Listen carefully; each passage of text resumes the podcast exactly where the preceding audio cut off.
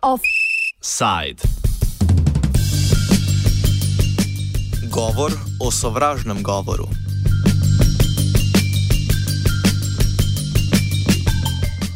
Na seji odbora za notranje zadeve državnega zbora poteka razprava o problematiki sovražnega govora, ki postaja vse bolj aktualna ob zadnjih izbruhih takšnega vedenja v družbi na slovenskem, ne le za gostilniškimi šanki, ampak tudi v javnem govoru. Sejo sta sklicali stranka modernega centra ter socialni demokrati. Ne le to, Na leto pa so bili povabljeni predstavniki civilno-družbenih inicijativ, proti čemur pa je nastopila koalicija za otroke gre, saj gre po njihovem mnenju za skrajne levičarske skupine. O omenjenih očitkih govori Neža Kogovšek, direktorica Mirovnega inštituta. No, to je seveda povsem smešno, zato ker te tako imenovane skrajne levičarske skupine so v bistvu organizacije, ki zasledujejo tako imenovani mainstream v evropskem smislu. Ne? Se pravi, način, na katerega je sovražni govor problematiziran v Sloveniji, je problematiziran tudi širše Evropi, s tem se ukvarja Svet Evrope, eh, sodišče za, za človekove pravice, um, Združeni narodi, organizacija za varstvo in sodelovanje v Evropi. Skratka, vse velike mednarodne organizacije sovražni govor razumejo kot problem in točno na te probleme upozarjamo tudi nekatere nevladne organizacije v Sloveniji. Tako da se mi zdi ta oznaka izjemno smešna in v bistvu gre pravzaprav za za poskus diskreditacije in, in za poskus upravičevanja sovražnega govora strani tistih, ki ga najraje uporabljajo. V razpravi so zaenkrat do besede prišli večinoma le predstavniki državnih institucij. O dosedanjem poteku seje odbora več kogovšek. Nekako se vsi strinjamo, da je prag za pregon sovražnega govora v Sloveniji postavljen izjemno visoko, tako da zunaj kaznovanja oziroma preganjanja ali pa preprečevanja ostaja izjemno širok nabor. Eh, različnih primerov sovražnega govora in točno o teh primerih je govora največ. Torej, kaj bi veljalo z njimi storiti, ali bi veljalo recimo uvesti tudi prekršek uh, kot način za pregon sovražnega govora, ali pa bi ga recimo veljalo prepustiti predvsem nekim eh, civilno-družbenim pobudam in pa samo regulaciji. Tako da o tem zdaj teče, veliko tu teče besede in kaj pa bo seveda izplen v smislu, ali bodo kakšne spremembe, kakšne spremembe zakonodaje, prakse, je pa za v tem trenutku težko predvideti. Gre za enkrat samo za razpravo razpravo. Seja je bila mogoče res sklicana strani vladajočih strank, ki pa sta bili v samem obsojanju sovražnega govora v preteklih mesecih bolj ali manj tiho. S tem se popolnoma strinjam. Tudi sam sem večkrat pozival uh, predsednika vlade in predsednika republike, da se seveda do naraščajoče nestrpnosti in sovraštva opredelita. In eni in drugi sta to storila šele nedavno, po nekaj mesecih in to prvič. Te večje stranke tega praktično niso naredile. Če sem čisto konkreten, je predsednik vlade to storil v primeru nastavljenih prešičjih glav ne, na, bi rekel, prostoru izgradnje islamskega centra. Uh, in priložnostno je tudi predsednik Pahor zdaj ob dveh uh, priložnostih dejansko omenjal, da moramo spoštovati drugačno mnenje in k temu nekako dodal še bolj mimo grede poziv k strpnosti. A, to je seveda bistveno premalo, glede na dimenzijo problema, s katero se soočamo. A, tako da kakršnakoli razprava v državnem zboru o tem je več kot dobrodošla. Jaz se seveda bojim, da je uh, tudi ta današnja razprava v parlamentu instrumentalizirana v tem smislu, da so se predvsem te desne politične sile odločile, da tam nastopijo, bi rekel, zavestno za svojo močno zasebo in poskušajo jasno kaj, ne, izničiti pomen razprave o sovražnem govoru. Namreč to, kar opažamo v javnem diskurzu v zadnjih mesecev, pa tudi let, je, da se pod uh, zaslombo, pod pretvezo, pod mimikrijo zagovora, seveda svobode do pravice izražanja in mnenja, sleharna razprava sovražnega govora poskuša pomesti pod preprogo, pravzaprav se tiste, ki sovražni govor obsojajo ali obsojamo, diskreditira ne, kot bi rekel nasprotnike uh, pravice do svobode mišljenja in izražanja. To je bil filozof Boris Vezjak, sedaj pa v kakšnem odnosu je sovražni govor do ustave pojasni namestnik varuhinje človekovih pravic Jrnej Rovšek.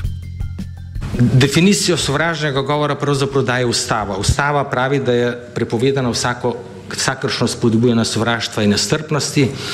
In kot smo ravno kar slišali, je pravzaprav edini odziv eh, pač kazenski zakonik in mi mislimo, da je med tem, kar je kaznivo in med tem, kar je še spremljivo, zelo široka siva cona, ki bi se jo dalo zapolniti bodi si z prekrški in mislim, da se v to smer lahko dogovorimo, da bi bile možne rešitve v tej smeri in pa z preventivno dejavnostjo, z odzivi nevladnih organizacij, Tukaj imam tudi sam neke prakse, ker sem tako član sveta za odziv na sovražni govor kot novinarskega častnega razsodišča. Lahko povem tudi nekaj o tem. Torej, sovražni govor je nevaren zato, ker besede lahko preidejo v dejanja.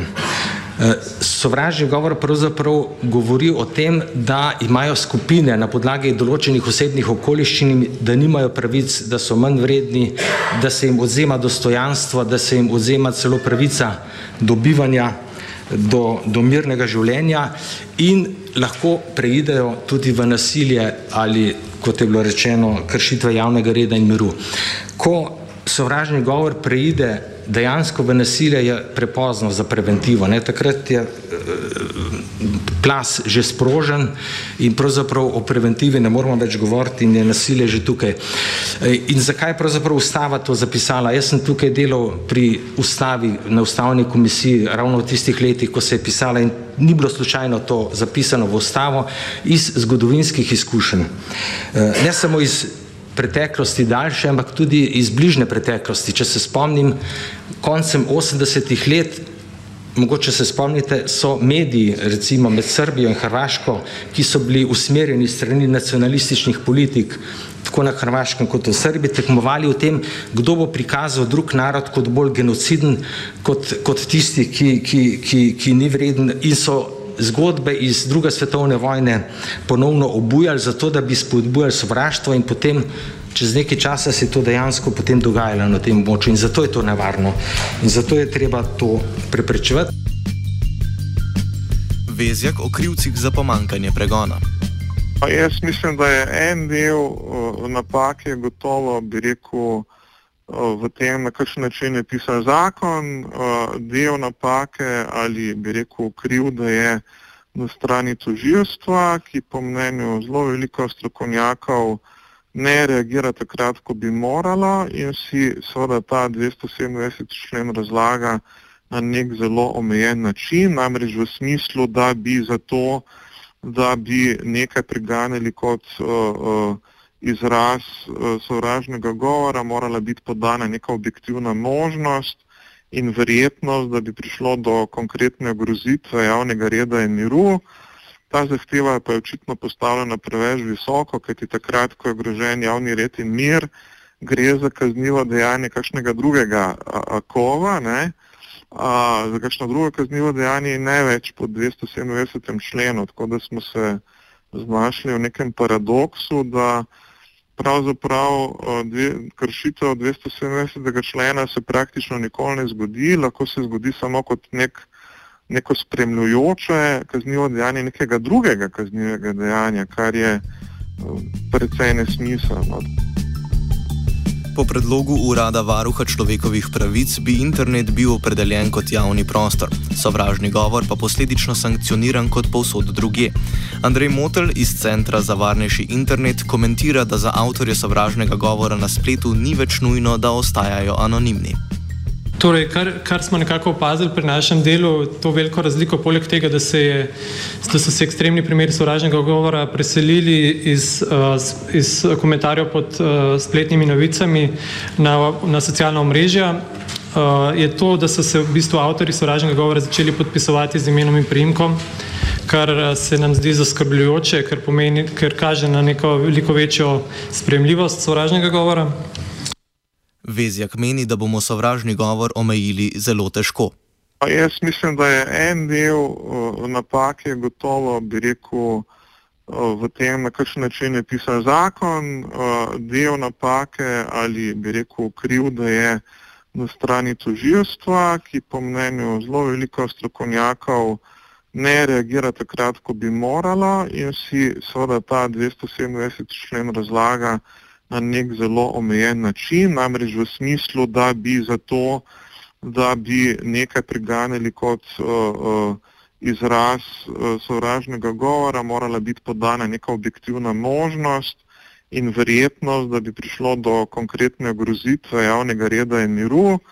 Ta zahteva pa je očitno postavljena preveč visoko, kajti takrat, ko je grožen javni red in mir, gre za kaznivo dejanje kakšnega drugega kova, ne, a, za kakšno drugo kaznivo dejanje in ne več pod 297. členu, tako da smo se znašli v nekem paradoksu, da pravzaprav dve, kršitev 277. člena se praktično nikoli ne zgodi, lahko se zgodi samo kot nek, neko spremljujoče kaznivo dejanje nekega drugega kaznivega dejanja, kar je precej nesmiselno. Tudi zaključek današnjega offsajda je pesimistične narave. To je samo še ena tema, ki bo politično razvajala parlament, se bojimo. Ne? To je samo še ena tema za nabiranje poceni na politični točk. Ne? Uh, najmanj ene strani, bom tako rekel. Uh, skratka, zdi se, kot da tisti, ki želijo minimizirati pomen sovraštva, sovražnega govora, to počnejo točno zato, ker ga sami uporabljajo in se radi temu ne, ne bi se radi temu odpovedali. Ne? zato ker je to učinkovit, zato ker, kot rečeno, eh, toliko državljanov prepriča, zato ker stranke postanejo zaradi njega močnejše, zato ker je to zmagovita dobitna kombinacija. Ne. Se pravi, od sovražnega govora in njegove podpore imajo sami direktne koristi, zato pri njem, kot rečeno, ustrajajo. Uh, to je seveda neka, bi rekel, politično nekorektna in pravzaprav grozljiva pozicija, ampak takšna je pravzaprav slovenska realnost danes v politiki. Z offsedom sta zamujala vajenec Klemen in Anton.